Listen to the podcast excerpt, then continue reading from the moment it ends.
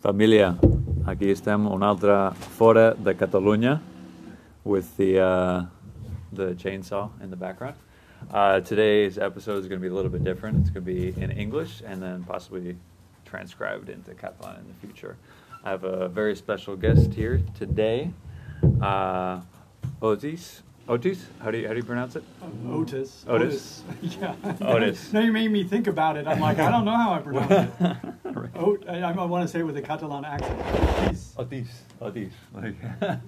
So I have Ot- Otis with me here today, uh, and there's a little bit of a Catalan connection. Uh, uh, so tell us, Otis, um, where where's the where's this history with the Catalan? Well, I, I, so the, there, there's another person here too, is Felix, who is saying I'm not here. He's trying to hide behind a newspaper, but but probably my, my He's working the soundboard, right? Yeah, yeah, he's working the soundboard. Very professional, very Sorry, professional. Um, but uh, he and I had our kids at the same school, and I actually probably really didn't know much about Catalan at all, except for that I met him simultaneously with the time that Catalan was seeking uh, independence. So Catalan was in the papers a lot, and I saw he has a a bumper sticker on his car with a C on it, and and then we started talking, and so I was pretty interested in that because I uh, I'm kind of interested in the idea of you know regions separating from their their their national boundaries, Mhm. um, and then then we started talking, and he's also he's also really into bikes, which of course you know uh, were invented in Catalan, Mhm. and uh, Everything originally- everything was invented in Catalonia. and, uh, and and he's actually like this really accomplished. You know that style of bike riding, which is like, what do they call it? Um, trials.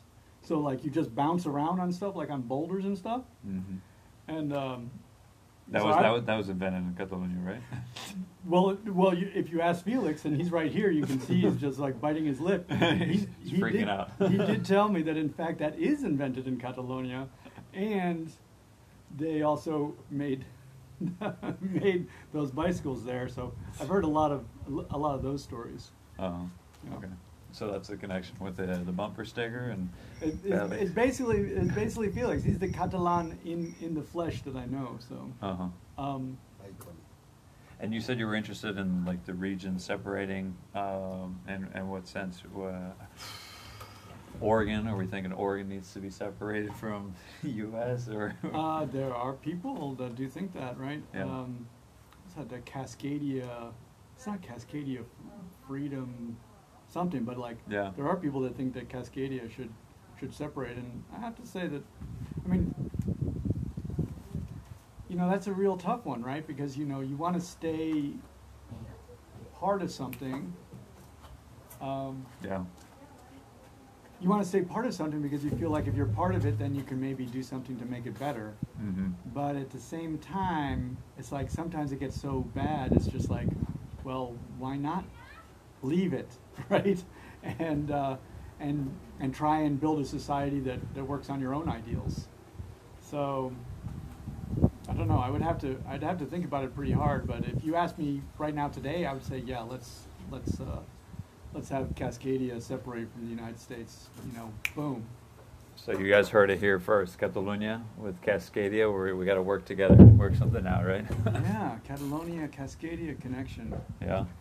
And that's uh that's uh Oregon, Washington, North Northern California, and then like part of uh, British Columbia, right? Um, I, I, I guess that would be, you know, I, I don't, I don't know for sure, but, uh-huh. um, okay. yeah, I would, you know, this, this large area, you know, maybe you could even call it the Columbia watershed area because, you know, we're all part of that. But I, but it would actually probably go down a little bit farther south. hmm Again, uh, I think yeah, it's a separation, but uh, it's not as not as serious as the Catalan independence that we've seen in the news, right? The Cascadia, it's more people. It's the mindset, right? The, that people are thinking about. You know, they're Right. they- there's, a different there's mindset obviously, here. Yeah, there's nothing that's actually politically happening. I mean, that was Yeah. the thing about Catalan is, I mean, as I understood it, which was, you know, very imperfectly, I mean, you were actually making moves to, in fact, separate from Spain and, and obviously created again, I know imperfectly, you know, uh, incredible backlash from the from the centralized powers of Spain. So we're we're nothing like that now. It's just you know, hopes and dreams of a few hippie kids. Yeah. right. right. And so, and then uh, you, you mentioned bikes. Uh, you're a big uh, bike bike fan. Uh, I've seen we we go to Toastmasters downtown, and uh, Oh, nice. pra- practicing public speaking. Uh-huh. We're used to it now with the COVID, not so much, but Yeah. uh, uh, we would see your tandem bike on there with the with the E, with the uh, battery and everything. Oh yeah, was that yeah. your, that was yours, right? Yep, that's right. That was my uh, that was actually my, my triple tandem that I ride with my two daughters. So Oh, triple, yeah. That Yeah. would be a three seat. Uh-huh. yeah, and I'm uh, yeah I'm pretty into bikes. I, I can I can feel very frustrated. I don't know what it's like in Catalan. You could tell me, but um, you know here in this area we're supposed to be very bike friendly, and I actually in some ways I moved here with my partner and my one year old daughter. That was about ten years ago now, um, because this area was supposed to be so bike friendly. And yet, what I find is is kind of not really. Oh, no? know? Well, I mean, American um, American culture, and, and I don't know. I think Spain because Spain sort of its culture predates the automobile, but American culture has grown up around the automobile. So we just have everything is built for automobile infrastructure, which means everything is really far away. You know, roads are really straight.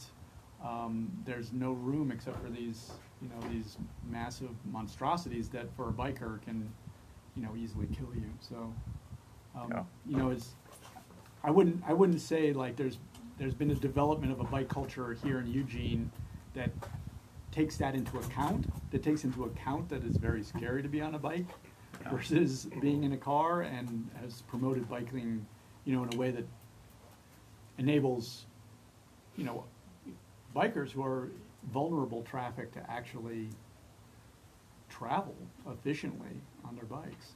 Yeah, yeah. We're we're um, I'm, well. I'm big on alternative transportation. I've, we have two e-bikes in the in the garage there, and yeah. So we go to Toastmasters. We do the e-bike and everything. Oh, nice. And uh, so yeah, but Eugene. I mean, uh, I came from Miami before here, so we get the laugh, right? 'cause So, so better, it's better yeah, than it's Miami? way better, way better. But I'm originally from Gainesville, which is north, uh, northern, uh, North Florida. It's Uh-huh. uh, University of Florida. Um, Uh, is Tallahassee also? uh, yeah, so that's the capital next, next. Well, it's three-hour drive from Gainesville, but it's nearby. But yeah, so in Oh. the north, North Gainesville, uh, North Florida area. Yeah. I, Yeah. I, kn- I know it a little bit. I have a friend who's, who's at uh, the university there, and I, I Yeah. even went. I saw manatees Yeah. there in northern Florida. You've probably seen them and gone to the, the grotto where you can swim with the manatees and the, Yeah. and the yeah. alligators. Yeah, well, preferably not swimming with the alligators, but They're there. Yeah, They're no, there. but they are there. There, there's there's a lot of trails that I go there, and uh, the alligator. I've walked over alligators that were on the trails before, and Okay, like, yeah. Florida man, Florida man, uh, to the fullest, right? but uh, Felix, who's not here, is rolling his eyes in, in, in, in terror. he's terrified of, of Florida. they, they like the beaches, but uh, everyone else thinks they, it's the central part is the place like- to stay away from. But there's some hidden gems there. There's some really nice things there. And, but Gainesville is, is kind of a bike friendly place, just like Eugene. Oh. And so I like when I heard that Gina wa- wa- was coming here because that's she came here first, and I followed. I was all on board. Yeah, so you were like you were like me. I I think I'd heard the sort of the, this mythical, you know, that there was this mythical place, Eugene, Oregon, that Yeah. you know, and, and, and that's it. spoke to me. I, I sort of had ideas, you know, in my heart about what Oregon would mean. I was like mountains and bike friendly and Yeah. you know happy people, happy liberal people. It's uh, not a hundred percent like that. but it's pretty close. I mean, I mean, I, I mean, I, I get that sense at least. I don't know, Par- The, uh, partially. Your your description of Florida reminds me of like I went to graduate school in Arkansas. I'm a, I'm a New Yorker originally, so Okay. that's my like. New York and that- City, or- yeah, New York City, Okay. which might actually explain my bike stuff because like in New York City when I was a kid, I mean obviously everything is terrifying. You know the streets are terrifying, and you just learn. You just don't, you don't, right? But um, on the weekends, on Sundays, they closed all the roads in Central Park, and so, so it was like this incredible utopia, you know, that were just in the center of the city on Sundays, the roads were closed, and you could go anywhere in Central Park, which is pretty big. You know, roller skate, bike, stroll around, no concern for anything. It's like, and I think that that really stuck in my head, like how it could be, and that, and I admit that that means that I see a world like there's no cars, and like Yeah. it feels kind of good. Oh yeah, no, it's less less stressful, and I mean, it's more efficient too because you're using up less space. I mean, each of these cars is four, five people could sit in them, but it's always just one. Eighty percent of the time, it's like Right. one person sitting there. Well, that's what I, I sometimes think of it this way. Like, when you drive your car someplace, you know, proportionally, the main thing you've done is move your car. Yeah. We think we've moved us, but but it, but all- proportionally, we've really just moved our car from place to place. Exactly. And so we could think like, who's working for whom? You know, Yeah. is the car working for me, or am I in fact just working for the car Exactly. to continue to move it around so it can continue to consume gasoline and Right. you know see the shopping center or whatever? Yeah, I mean, it's a huge hunk of metal. It's It's just a like, huge hunk of metal. Yeah, I that's mean, right. it's, it's heavy when you think about it. Yeah. Like, like my bike, my bike over there that, you know, I can travel two thousand miles on that, you know, without a drop of gasoline, and it weighs third of what I weigh, a fourth of what I weigh. yeah. So now proportionally, I'm moving me from place to place. Yeah, exactly. You're, you're the, the big guy in the situation. then. Yeah, I'm the, I'm, I'm the thing being moved. I'm the boss here. Yeah. You have the electric one, so. Yeah, we have the yeah the e-bikes, and and that helps. I mean, makes it heavier, but still more efficient because you plug it in, and we have we have solar panels up here, so it makes it uh, renewable energy, and They're all, I, they're, I've, I've seen because I, I am into the bike stuff. Like, there's a pretty good TED talk that does the relative miles per hour based on various things, and and this guy is, uh, you know, totally geeky engineer. You know, he's working it all out. So it's like walking. I forget what it was. It's like maybe, you know, cars are obviously we know where they're at, 50 miles per hour or less. Walking is something like 90. Bicycle is at one uh, 180 miles per gallon. But he said that the gold standard is electric trains that are, I imagine, full of people. Right? They get something like a, a thousand miles per gallon.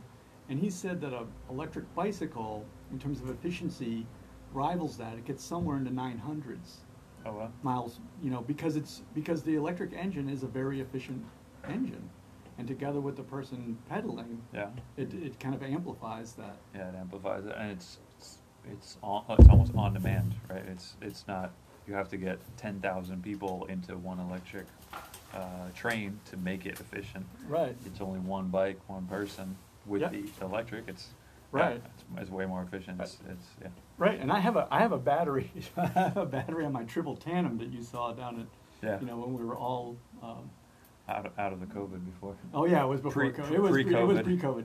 yeah, but um, but so I have three people on that bike. That bike weighs, uh, probably with the battery and everything, maybe sixty to seventy-five pounds. So it's not totally light, but I can move it. I can lift it and move it around, maybe sixty.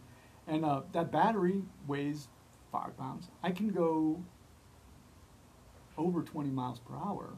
What's that in kilometers, Felix? Twenty miles. Twenty miles per hour. A lot of kilometers. A lot of Yeah. kilometers. would be kilometers in in I'll let you know. in the in, in the Catalan uh, measurement system. Yeah, right. Exactly. But it would be it would be somewhat more, Yeah, right? It's yeah. like, you know, I think maybe 28 to 30 kilometers per hour. Yeah. So that's Yeah. pretty good. Yeah. We we we're going full Inception here with. Uh, What's Felix doing over there? He's I don't know. translating as we talk. uh, he's having fun over there. Having fun. It's, Yeah. Well, it, it does seem to, clear to me as like, you know, it's, it's hard to have like knowledge. Like, clearly we should be riding bicycles instead of driving cars, and yet we really are so far away from doing that. And mm-hmm. Thirty-two point one eight six eight eight eight kilometers. see, there you go. kilometers, I 30. flinched into bullseye. It shows my all, all those travels to Europe did me good. There you go. Yeah. Burro. Oh, and the purro. oh yeah, that Felix had mentioned something about purro that you had you had found a purro. Uh, yeah, well, it's uh, yeah, it's kind of, kind of funny. I mean, so I met Felix, right? He was, you know, obviously advocating for separatism and, and uh, causing a lot of political uh, insurgency here in Eugene. Rabble, rabble, rabble. he can't talk right now, but I just just take me at my word. And uh, um, but he came over to our house one time, and there was this there was this yeah there was this object which I really did not know what it was, and I have to tell you that a number of times because my partner does seem to have a lot of objects that I did want to move it along to like someplace else or like accidentally drop it or something. It was Oh. like this glass thing, this kind of bizarre looking, has a shape that for lack of a better word, seems kind of foreign to you know Yep. my environment. Yeah. And um, and Felix came over and he says, "Oh, you have a poro." Or uh, well, we had a long conversation about the correct pronunciation. Uh-huh. Poro, really you, but puro. Yeah, Puro. yeah, puro, yeah. Puro. Puro. With that accent. puro. Now, you got it. Yeah, I got it at one time. So one out of, one out of a hundred. And um, yeah, and he said it, he said that's what it was, and I, I still didn't know what he was talking about. Yeah, I was like, I have what? And he's like, this is a this is a famous thing. This is how we, you know, drink wine and got you know Catalan. And I'm like, it still didn't really make any sense for me. and then eventually, yeah, we we did get a bottle of wine, and then we filled it, and then we practiced with it, which is uh, which is tough really at first. But I could already envision in my mind like how much fun it would actually be to be in Catalan doing this. I mean, I had to I, had, I admit that it was like a little bit less than what I imagined it could be. You know, some table and some amazing grotto cavern. You know, passing around. You know the the porro. Puro. There you go. Yeah. You, you have one? Uh, yeah, I think it. Well, we have it in Gainesville. Uh, when I moved out here, I, I left most of my stuff there because Ah. I'd be fishing. Do, you- Only had one, do, couple you, suitcases. do you use it very often? Oh, uh, well, when, whenever we have Catal- uh, Catalan parties, yeah, we do a paella or something, and we do the porro. Yeah, I'm pretty. It seemed like a pretty good way to get wrecked because there's something about it like you know in order to get it to go you really are taking a pretty healthy sip every time and then of course you're afraid to put it down so that might make you drink a little bit longer you I know, know. just a few beats too long That's why I'm not. I, I don't drink too much of it. I, you know, do one, one or one an hour maybe, but. I love the uh, I love the uh, communal idea of it you know I mean that's that seems really nice I mean I immediately I saw like why this could be a great thing and Yeah. And I had grand ideas about how I could go with my friends and bring it, and we'd all share wine that way. But Yeah. honestly, in the U.S., you're not going to have that happen. Yeah, no, and also, you know, requires a little bit of skill, whatever. And, uh, yeah. but, everyone, yeah. Everyone's worried about their shirt, you know. Yeah, yeah, yeah. yeah. Uh, uh, tell us more about uh, you know, the, how you how you know Felix or you know the relationship with, with him and you Well, get Felix is so. I, I'll tell you the truth. This is the, the quietest I've ever seen him. Yeah. So this is something that he is not known for. I got to tell you. He says that he's lost his voice. It seems convenient, you know, but I've really never experienced it before. uh, But like, but the other thing, like, you know, so, I'm, I mean, yeah, I mean, you could say like Felix is saying, oh, this is always originally Catalan and Catalan. And Catalan is obviously a big part of his life, but he also makes it sound so exciting and, and great. mhm. And um, you know, he he introduced and actually did some of this i- here in Eugene, where he's a castle builder. Oh yeah. And, uh, Yeah. and if you see Felix, you realize, you know, he's not the person that goes to the top of the castle. No. I mean, not if you want to be successful. He's gonna be Yeah. the, he's gonna be a part of the base, right? He's going to be part of the base. And and so, so like learning about that, you know, and, and then Felix was like, you know, he's, he started doing some of this castle building for, you know, you know, team building and stuff like that. It all makes total sense to me, and it's just Mm. it's so great. I mean, I love that. I love that idea of. I mean, I guess that you have competitions, but that you're working on something that's just so team oriented. You're obviously all working together to achieve one single aim. Mhm. Um, and it's so clearly about that. And uh, it seemed really cool. I watched some videos, you know, some town square. I have to imagine is Catalan. Yeah. You know, it looks just amazing with little balconies over, and then you know, Yeah. hundreds of people, you know, so you know, everyone's a group over here all dressed in white shirts, a group over here in red shirts, and Uh-huh. something else, and then suddenly it's like, I don't know what happens. It starts it, and then suddenly, All right. and you see some, you know, you know, little kid up top, and At you're like, oh my the- goodness, the helmet and everything, yeah. yeah, really. Uh, we'll, we'll have to travel there. Oh, did to I? come see. Have you been? Have you been to Catalonia or? no? I haven't. I, I, uh, I was lucky. At one point, I had a, a studio residency in uh, in Paris, and then uh, I really. I mean, in all, probably I want. I really want to go to Spain. I mean, Spain is maybe the, the country in Europe that calls me the most. Um, Mhm. I speak a little Spanish. I've traveled quite a lot in Mexico. Um, I really want to go. Although I, I admit, though, that I met some Spaniards when I was in Paris, and when they told me about the, the culture, I mean, I was a little bit younger then, but not that young. They told me about the culture, and I, maybe it's even scared me a little bit. They would be like, we, you know, we go out at nine o'clock. We stay out all night. Yeah. We go home, where our mother then makes us breakfast, Yeah. and then And then we go to bed. yeah, then we go to bed.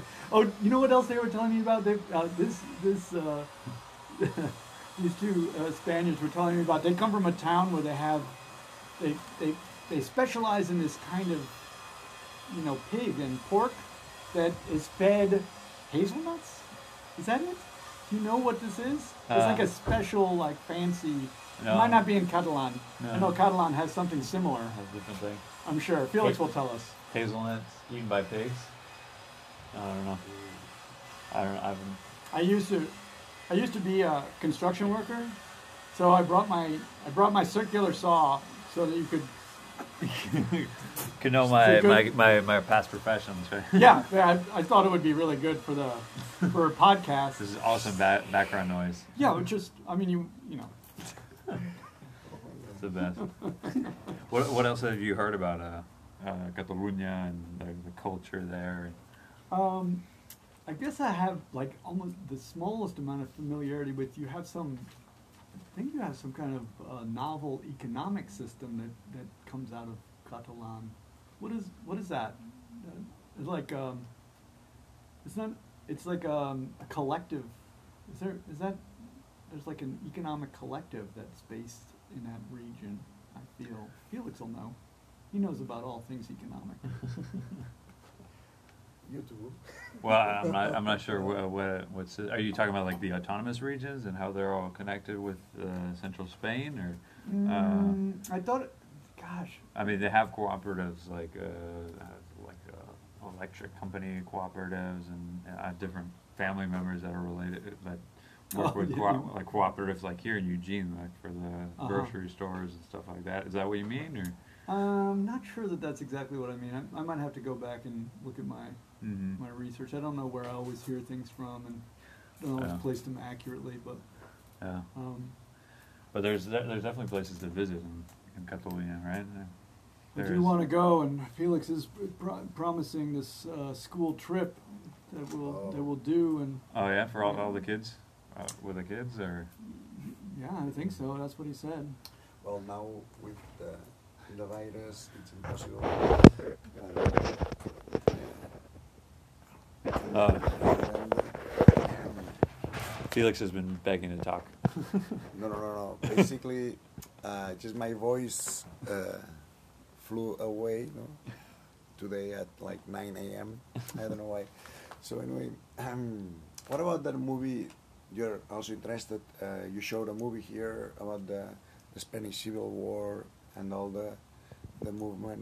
No, you went with the the group that, that were they like the anarchists or a little bit. Oh, I uh, oh yeah, yeah. We have the we this, have this we, communication, this relation with Spain, no, with the, during the Civil War, no. Yeah, I don't know. I'd have to. I don't think I saw. I don't think I saw that movie, but I sent you. I sent you the link. The I think yeah. when when it came out because, yeah, we have uh, we have a small anarchist group in uh, in Eugene, and and I've tried to do some things with them. So I'm in touch with them, and they, yeah, they they do play some movies sometimes. Uh-huh. Um, but I, I, oh yeah, that was a that was like a year or two ago. I do remember that. I remember. I think I remembered watching the Yeah. beginning of it, and uh, yeah. Was I it mean- about the Lincoln Lincoln Brigade, or is this something different now? Oh gosh, I don't know, but But I also, think, this I, interests me. Like, I- I think- anarchist of unity, no, yeah. I, I think it's yeah. I think it sort of was you know was a m- movie about the anarchists you know probably um, pushing back against the fascists Yeah. and um, not to you know not to be you know political about it, but you know we have sort of the same kinds of tendencies rising. It seems you know yeah. in the modern world today, and certainly in the U.S. in a pretty shocking way. Mm-hmm. So, with you know President Trump recently uh, calling the Antifa, it's pronounced in different ways, but that's how I Yeah, say it. Antifa, yeah, Antifa. anti anti-fascist. Um, you know, calling them terrorists. It seems to me that the only people who call Antifa ta- terrorists are the- fascists. are the fascists. So, I mean, you almost kind of name yourself in the in the act of that. Yeah. I mean, Mhm. so it's pretty pretty scary. So there's probably you know some things that we need to learn, maybe from Spain and the and the resistance. I mean, there might be some some careful study. Some lessons But there. uh, I mean, obviously Spain had Franco, and so Yeah.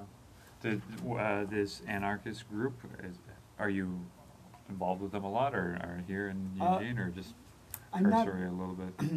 Um, just a just a little bit. I tried to. They they do some courses and some classes, and I I teach creative writing. So I actually I wanted to. I teach creative writing for Stanford Online, Oh. and um, I wanted to basically offer a free creative writing class to anyone in the community that wanted to be a part of it. So I because they did classes, I sought them out and and then tried to make that happen, but it just didn't the, the, the word didn't get out and i guess you know when you offer something for free then people think that that's what it's worth and like Yeah. nobody came Uh-huh. so um, it's hard to get you know it's hard to get a bunch of anarchists to sit in a room Well, maybe not with this COVID thing, doing it on video and, and posting it somewhere, or making it available to. yeah yeah Yeah. It was, uh, And uh, the book, what? he's working on a book. Oh, you're working on a book? What, No. uh, what book are you working on? um, wh- which one are you thinking of felix I thought you said. you Any were of working all on of them, oh well yeah i am working on a book um, i I actually I have several projects, and I I have a I have a problem as a writer of being sort of like I, I adopt too many projects because I I have trained myself to write, so I do write quite a lot, but I can sometimes be like, oh, this is a great project, so I start that, and now I have another book project. But Yeah. but I actually have recently, yeah, I put aside my novel a little bit because of um, the um, because of the murder of George Floyd, uh, frankly, and uh, and that's brought me back to a work that I started in 2012 about uh, broken windows policing. Mhm. That's that's my uh, my jigsaw. That my The other power tool. I, yeah, I also have that. Which, which one? You want to hear the drill? Yeah. Um, Three, two, one. the uh, yeah so the book so I so I brought back because I did a, a lot of research in 2012 about a about a police shooting murder in Atlanta in 2006 I was contacted by a police officer in Atlanta who was a friend of mine from college and he had just retired and he had basically all the paperwork from that shooting and he wanted to write a book so I started doing that project and it was about the shooting of this woman who was 92 years old. Her name was Kathryn Johnston, uh, where police broke down the door with a no knock, what they call a no knock warrant, and um, she was terrified and and you know they say whatever fired a shot, and they obviously and then they killed her. Yeah. Um, and so I've done a lot of research on what they call broken windows policing, which is the form of policing that we have in the United States, which is based on this think tank guy named James Q. Wilson, um, you know, from the Kennedy School, who basically came up with this metaphor that the way to stop crime is like broken windows. How do you prevent broken windows? By fixing the windows. The, the problem with that as a philosophy is that you're talking about people, and now you're saying people are broken, and exactly what are you saying in terms of fixing them? You're, it seems to me what you're saying is you're, you're going to eradicate them. They, they had broken windows policing in New York in the 90s under well, there was this guy Bratton that came in with the with the subway system, and then it expanded, and then under Giuliani, and basically what it meant was broken windows policing is also what my friend called cops on dots. You just direct police to places that you deem problematic, and you force the crime to other areas. So in that way, Mhm. in New York in the '90s, they basically cleared Times Square. I grew up in New York, so I remember going to Times Square in the '70s and was like, it was an adventure. You know, Oh, I mean, it was something that got your blood going. Uh huh. Not so anymore, because they cleared all.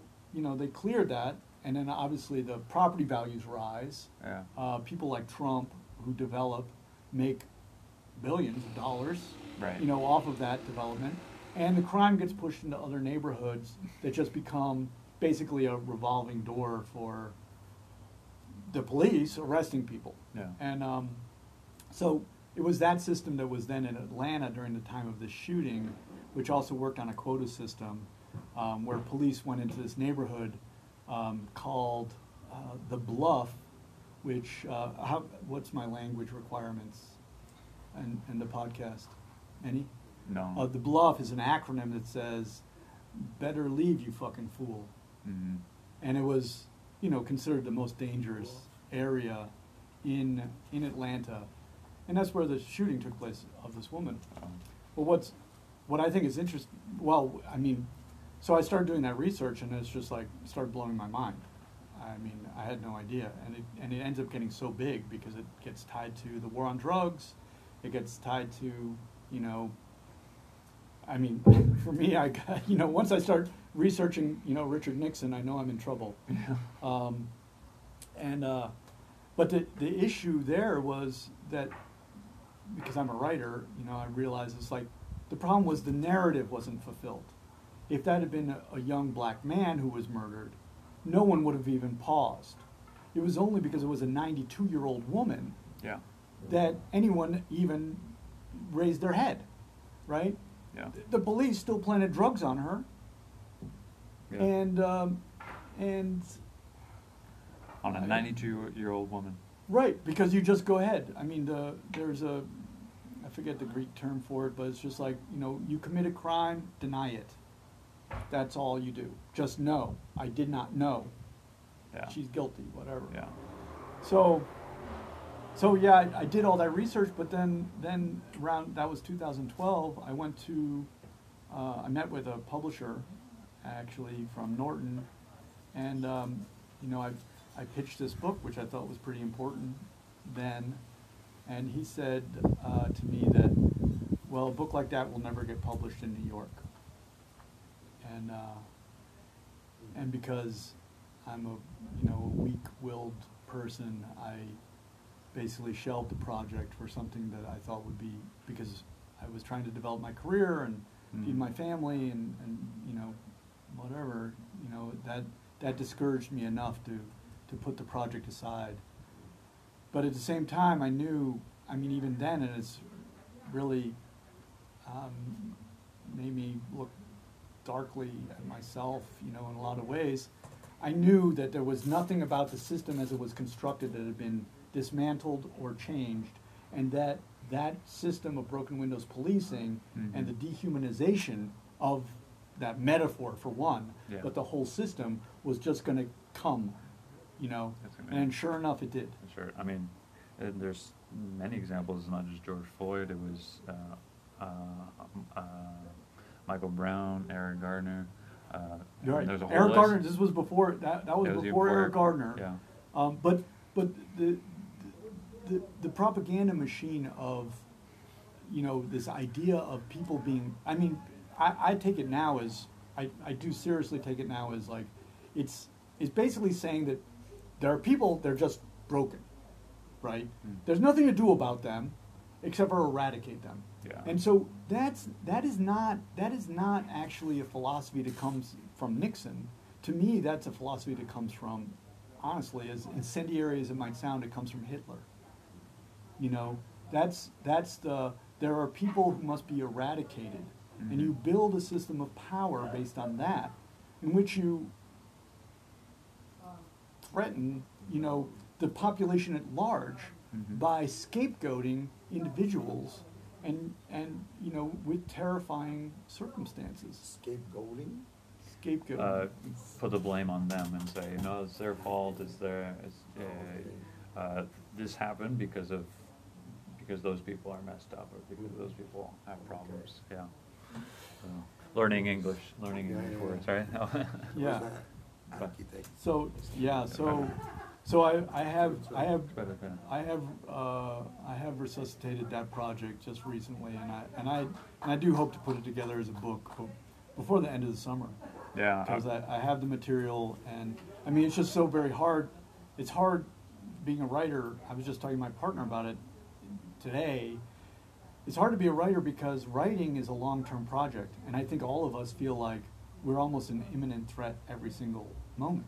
Yeah, so, that's- so like, can I do anything to to save myself in the moment? Am I, I'm in fact falling exactly into, I'm falling prey to the system itself. Make everyone terrified, make everyone act in the moment, and and people can't organize and plan and and look into the future. But I'm I'm trying to manage that so I can get this project done. I, I have a couple points from, from everything you said, and I appreciate you talking about that in this project because it's, it was relevant in 2012 and it's relevant now. Uh, the one thing, the one thing about the publishing, they, they told you in New York they've never published it. I'd recommend self-publishing. I don't know if with on Amazon or on some. Uh, there's there's ways to get that content out there. Yeah, Um, that that is a little bit that is a little bit new. I mean, at that time I was like again like I was so career focused. No, no, I and mean, I I was just trying to get the book done so that I could get a job at a university, so I can Understandable. have tenure, so I can do all the rest of it. So, Uh, But understandable. that's a, Yeah. No, that's just that's one- over now. No, but but now you now you you're bringing the project back, which is great, and you know, I'm sure people want to hear about about that. And the other thing was, uh, uh, yeah, no, that it's yeah, it's a cycle, and and they like you said, it's people they're we're they're trying to. I mean, when I say they, and who's they, right? But we put ourselves. There on- are people. we- I there mean, are we- people. But we can unplug. The, that, that's what I, what, I wanted to get to is, uh, you know, the, the CNNs, the Fox News, the, the, the main, the, these huge networks that Mhm. Their their whole business model is to keep us plugged in and listening and and Right. uh, watching and reading and and, And- and getting on this treadmill and Right. I, and, I and basically, yeah, to- manipulate. You know, they, they, they work. My other my other really big point of interest lately in terms of research has been this guy named Edward Bernays, who is considered the father of spin. He was a guy in the twenties. He wrote a book that's really worth looking at. I mean, it's it's it's as chilling a book as Machiavelli's The Prince. So, Mhm. from your area. a little bit. Uh, no, but it's as chilling as Machiavelli's The Prince. He wrote a book, uh, I forget, 1920s, I don't know the exact date, called Propaganda. He was actually trying to make propaganda. He was trying to. It's like it just is, you know. It's not. It's not either good or bad. It just is a thing that we need. Yeah. And his basic philosophy was that that the there's these ideas about the crowd, and that the crowd is a is an unruly, chaotic mess. I mean, it's probably ideas that are coming out of the French Revolution, certainly mirrored in you know Frederick Nietzsche's you know master morality and slave morality. You know, the Mhm. slave morality are these you know resentful people that just want to destroy. Yeah. And he was working out of that, basically saying that, you know, the manipulate, as he as he puts it, it is paraphrasing, but like the manipulation of the masses is necessary to the public good. That's the way he phrased it, Mhm. and that's in the twenties. His book, I mean, I'm going to bring up Hitler again, turns up on Hitler's bookshelf. Um, everyone attributes propaganda to Goebbels. Goebbels was learning from Bernays. As I see it, in terms of propaganda, you know, the lessons of Nazi Germany were not lost They feared revolution out of the Soviet Union, which was happening in the 1900s, right? You know, at the turn of the century. And then they saw the incredible power of manipulating a story of us versus them to create a power structure. And that was not lost on them, and it was not lost on them how that was achieved. And as I see it now, basically we adopted those patterns mm-hmm. under a different guise and and continue with it. I mean, maybe you could say there was that halcyon period of the 50s. It wasn't halcyon for everybody. Um, but then, as soon as you had the Civil Rights Movement and then the Voting Rights Act of 1965, Mhm. you had this incredible, this really incredible pushback by Nixon and others, war on drugs, which targeted, you know, black and brown communities, urban communities, and activists. And we're seeing exactly the same thing happening today. Yeah. I mean, well, happening today on steroids. It's it's even far worse, far more oppressive. Um, Yeah. The, I mean, I just read an article about how the police, the police are in targeting journalists who they don't roust, but they only shoot with the rubber bullets. Yeah. So mean- they're not they're leaving them, they're pushing the crowd, but they're they're injuring the journalists. Mhm. That is a result of propaganda, because we have this uh, propagandizing president, Mm-hmm. and we have propaganda coming from um, some news agencies saying that all other news agencies are Crazy, yeah. evil. Yeah. So they're trying to stop you from getting what you want. Go ahead and hurt them because they're not even people. Because people who don't want you to get everything you want are somehow Yeah. what the animals. They're the they're the crowd that just don't get it. Divide, Mhm. Dividing, you. Divide and conquer. Divide et impera. Another one, a Catalonian phrase. Latin, Latin. Most of it all goes back to Latin. Yeah. Yeah. yeah. So I mean that gets pretty heavy, but No, yeah, no, and no, it was a really good discussion. I like, I like this. Um, it, but it, we don't have to listen to those huge media uh, organizations. We there, there are other voices, you know, that uh, you can try to listen to, try to focus on. Uh, uh, th- but I understand it's, it's tough because there's huge mainstream channels that Right. they have, you know, they're working to be everywhere. But Right. with this internet thing, I, for me, I'm, you know, grew up with, I mean, I grew into the internet just like a lot of other people, but Yeah. there's smaller groups that are independent that are trying to get Well- their message out that it's that it's not doom and gloom and that it's not, you know. and we need to figure out how to organize those more, and we have to figure Mhm. out how to organize those forms of communication. Like I end up getting Yeah. sucked into Facebook, but you have, you know, Mhm. Mark Zuckerberg, who wouldn't take a position on, you know, uh, Trump's, you know, this, you know, when when Trump equates protesters. Okay, so he did this thing where he just basically equated all protesters with looters. Okay, so we're not even taking on the argument about whether looters should be killed, which I don't think people who loot property should be assassinated, Mhm. right? That's property versus human life, so that's Yeah. not an equal exchange. But when he equates a few looters with what's really a mass movement, Yeah. right? He's basically giving the go-ahead to police to uh, engage with protesters with what they call extreme prejudice. You know, terminate. You know, it. He's he's instigating certain statistical violence. Mhm. Certain of all the people he's communicating with, statistically, absolutely, someone's going to respond to that, and we've seen it. Yeah. And so, but Zuckerberg says, well, I just read a quote from him. It's like the the folks I talk to, you know, for one thing, I, what's the language limitations? Yeah, or whatever. I hate this fucking folks, you Uh-huh. know, Uh-huh. or the the good people and uh, the folks, and it's just all so folksy, isn't it? Yeah, yeah. What do you mean the people you talk to? You know, you didn't talk to me. I would tell you that that's that that is instigating violence and murder against people, Yeah. and I will tell you that. yeah. So listen to it. I'm not part of the folks that you asked, I guess. Yeah. You know, maybe you should check on your fucking folks. Mhm. Excuse my language. No, I, I, you, you, you work on the, the, the translation of that into We'll- Catalan. We'll do the beeping. Notes, notes. But yeah, no, there, there should be some kind of regulation on that because uh, there's good information out there, there's bad, there's. Yeah, but, there's- but when you have Zuckerberg, you know, like basically con- then conspiring with Trump already has the bully pulpit. Mhm. Now you have Zuckerberg amplifying the bully pulpit. Yeah. Do you want? bully pulpit. Bully pulpit means Bully- uh, he ha- he has the stand uh, as a, okay. as president. You have uh, a certain uh, to be a bully, and beyond the pulpit is the stand or the, what is it called? The, Yeah, yeah, it's just pulpit, you know, it's like at a, at a church. At a church. You have a pulpit. Yeah. Yeah, yeah. You stand up there and you can, you already have, everyone's already looking up at you. Yeah. So you already have that advantage. Mhm. And then Zuckerberg amplifies it. And, Mhm. um, you know, and he says, you know what, he, he doesn't hear the, the dog whistle in that. It's like, it's, it is that so I'm a writer. I mean, I know that that is a classic rhetorical strategy, and everybody knows it. Mm. You take the actions of the few, and you, which are believable enough. I mean, whatever it is. I mean, going back to Hitler, he did it in Mein Kampf.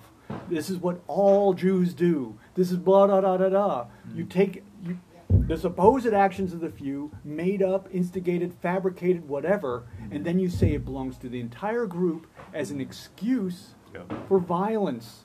Mhm. That is how it's done. This is not a playbook that people are not knowledgeable about. They know about it. So to do it is to do it purposefully. Mm-hmm. There, there isn't, there isn't a accidental use of this rhetorical strategy to kill people, which is the outcome. So they understand that, they understand the outcomes, and yet they, um, and then everyone acts like, oh, the outcome was a surprise. There's nothing surprising going on. Yeah. Yeah.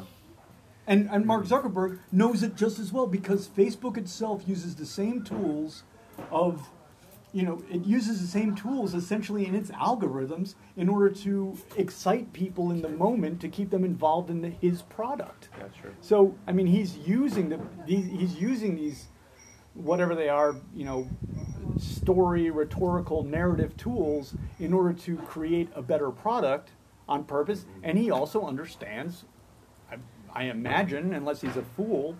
I take that back. I know he's not a fool, you know, because that's a, that's an excuse, and he is not. Um, he knows what he's doing, but he doesn't want to out it in terms of the president because then he loses his power to do it too. No one wants to out this power. Yeah. Yeah. Yeah. Yeah, it's, it's tough. It's tough. It's tough. we're gonna, we're gonna solve all the problems right here, but Uh, no, we're, no, we're, we're not. But uh, Yeah. but you know, like there's a saying in English. Maybe you have it in Catalan. They say "rust never sleeps," which means you know time time always passes and you you get older. But it's really, I mean, the, the truth is like like tyranny never sleeps. yeah. Like they're always working. And and the, the case in the U.S. I mean, this is the the problem with our. I think the difficulty of protest and resistance movements is that we always act in the moment, but the powers that be have a long-term game plan. They play the long game. Mhm. They're not thinking about today. They're thinking about 10 and 20 years down the line, or maybe further, right? So they're making a long-term strategy, and they use what Edward Bernays called the big think. The big think means you have to change the way people think first. You have to transition the context in which they then hear the thing that you want them to do. Right? And they and they've been doing that. They've been changing the context. They've been changing this this social mind basically to the point where we accept th- this murder of citizens on our street or even the idea it's almost like a you know floating a trial balloon when when Trump says he's going to bring the American military onto the streets and that you have to whatever that one guy said dominate the battle space I mean are you really talking Yeah. you're if you're if you're talking about dominating the, the battle space and the battle space happens to be where we all live Mhm. you are talking about starting a war with the American people Yeah. Yeah. Yeah. It's it's constant, but but uh, I would I would push back on the the um, accepting the murder of another black person because I think I mean we, we know Eric Garner we've seen now we're starting we've seen videos over the years and and it's continuous and it's even more frequent. I think it's now at this point that people are are saying no this that's enough. I mean it could be, it could be anybody. It, could, it, it doesn't matter who it is. Absolutely. And and, and it's continuous and the video is there and people can see it and and it's like what it's not the 1960s. It- I mean, it's Well- not. It's not. Uh, well, we, well, we, we will, we will see, we will see how it plays out, but I, I think it's gonna play out very poorly. I mean, you know, what, they, yeah, people obviously, they, they saw, they witnessed, there, there's another Latin phrase is, you know, the thing speaks for itself. I'm sorry, I can't quote the Latin. Yeah, But the thing, the thing speaks for itself, and, and the video of Eric, uh, George, George Floyd spoke for itself. Um, and then the response, and we see the response right now from police, is like, oh yeah, and do you want it to be you? Yeah. That's their response right now. mm-hmm. And um, that, that means you either, well, that you either get, you know, since, since getting broken is not, not possible, that, that goes in a very bad direction. Yeah. I don't know. I, I mean, I think there's some. For me, I, have talked with the different groups already with about this, but I, yeah, for me, it's there should be body cameras on the police officers. I mean, also it depends. You know, the privacy issue. There's privacy issues there. Uh, anytime there's new local taxes that are coming in Eugene or in any location in the U.S. and I don't know about in Catalonia specifically, but uh, here they do amendments or they do, oh, let's do a 0.5 percent tax or a half cent tax or Mhm. whatever, so. Yeah, they have a, they have a payroll tax on the, on the books right now, so. Yeah, so anytime any of those things come up, I'm, if it has any word related to the police at all, it's, it's no. I'm gonna, I'm gonna Right. start saying no on those things. Well, the, the thing is that, you know, we have a situation which we have come to accept, that we have basically, you know, like, you know, the phrase, you have this in Catalan, I'm sure, the, you know, when, when you're a hammer, you see every problem as a nail. Yep. And so that's what we got. We got a, we got hammers, you know. Um, we need, if, if you're saying that we have social problems on the street, then we need social workers. We have people who are trained in violence, which is what they're doing. They're compliance, basically. You know, they're trained to, to create compliance out of people. You know, you need a much smaller group. There's not actually that much violent crime. It's not violent crime. Yeah. George Floyd even is- supposedly, you know, a them. 20 twenty dollar bill or something like that. Counter. I mean, are you telling me that that's a crime to, you know, kill someone over? No. No, that's ridiculous. That you even have to engage in any of these actions. So obviously, the police force having a military force on the streets in such numbers is ridiculous. Yeah. Um, so employ, yeah, you employ other people. You have money going to other things that actually do some good. However, the justice system as it exists now, as it existed in Atlanta in 2006, um, is one that makes money for people.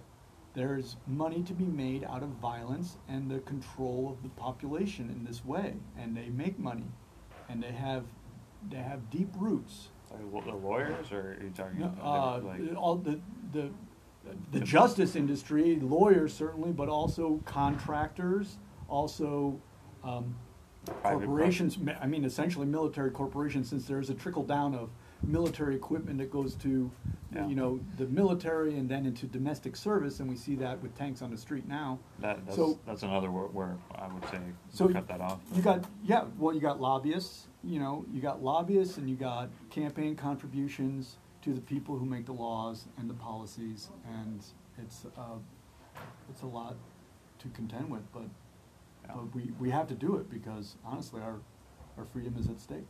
Yeah.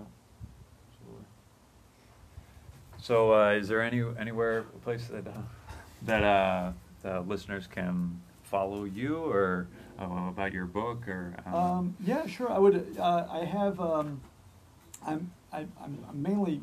You know, I do a lot of teaching and writing, so I have a website.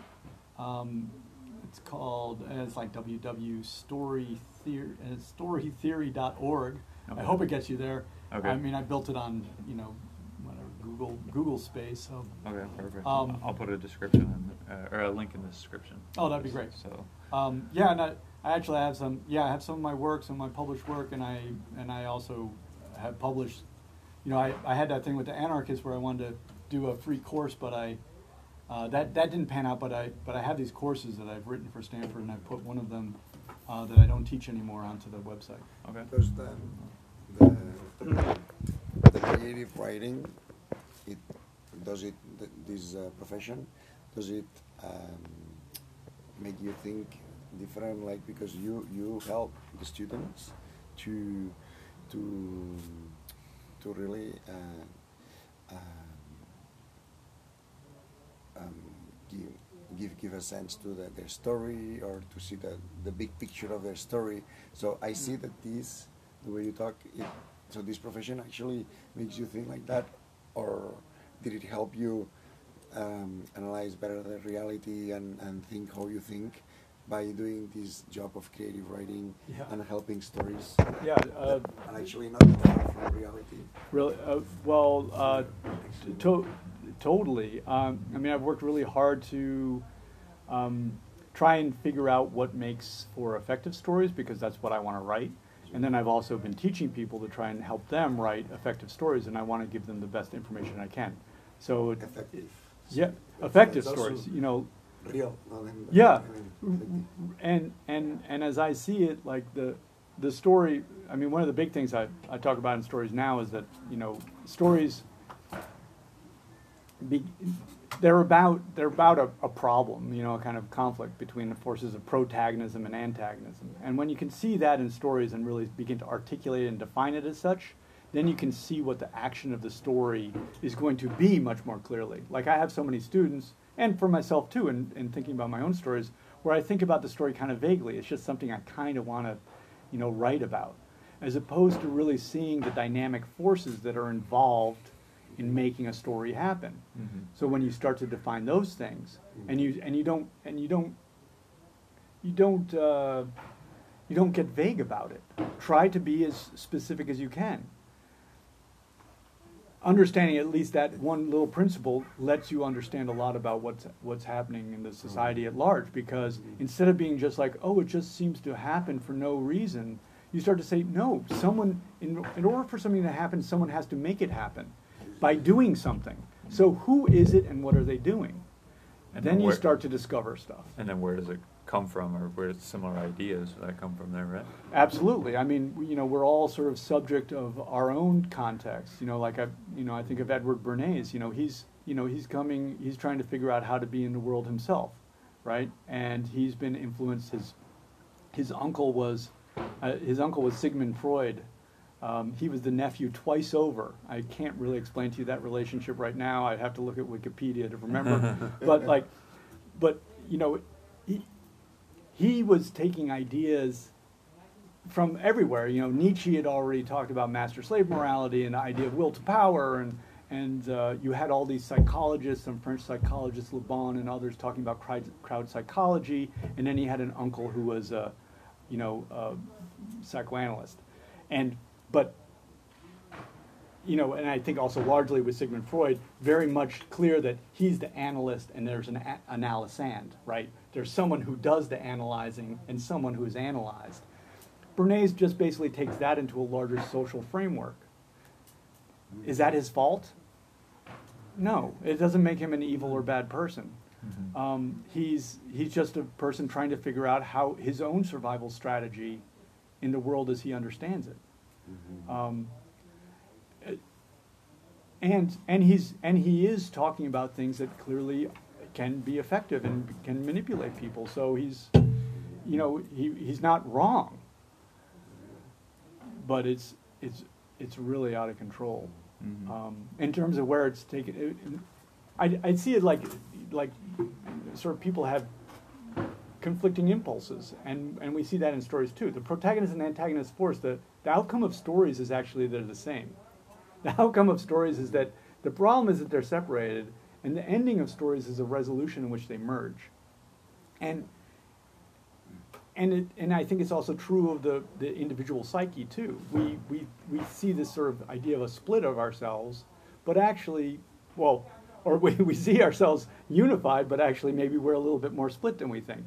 We have this desire for this fascistic desi- desire for order and safety, and we see that evident, Mhm. right? But we also have a desire for egalitarianism. Mhm. You know, um, there's a the philosopher who I pair against Bernays, who operate who who's I think he's sort of diametrically opposed is Martin Buber, um, who wrote I and Thou. So the idea of I and thou seems the antithesis to me of Bernays, you know, what Buber also articulated this, the, the I and it relationship, where there's I as a self and mm. it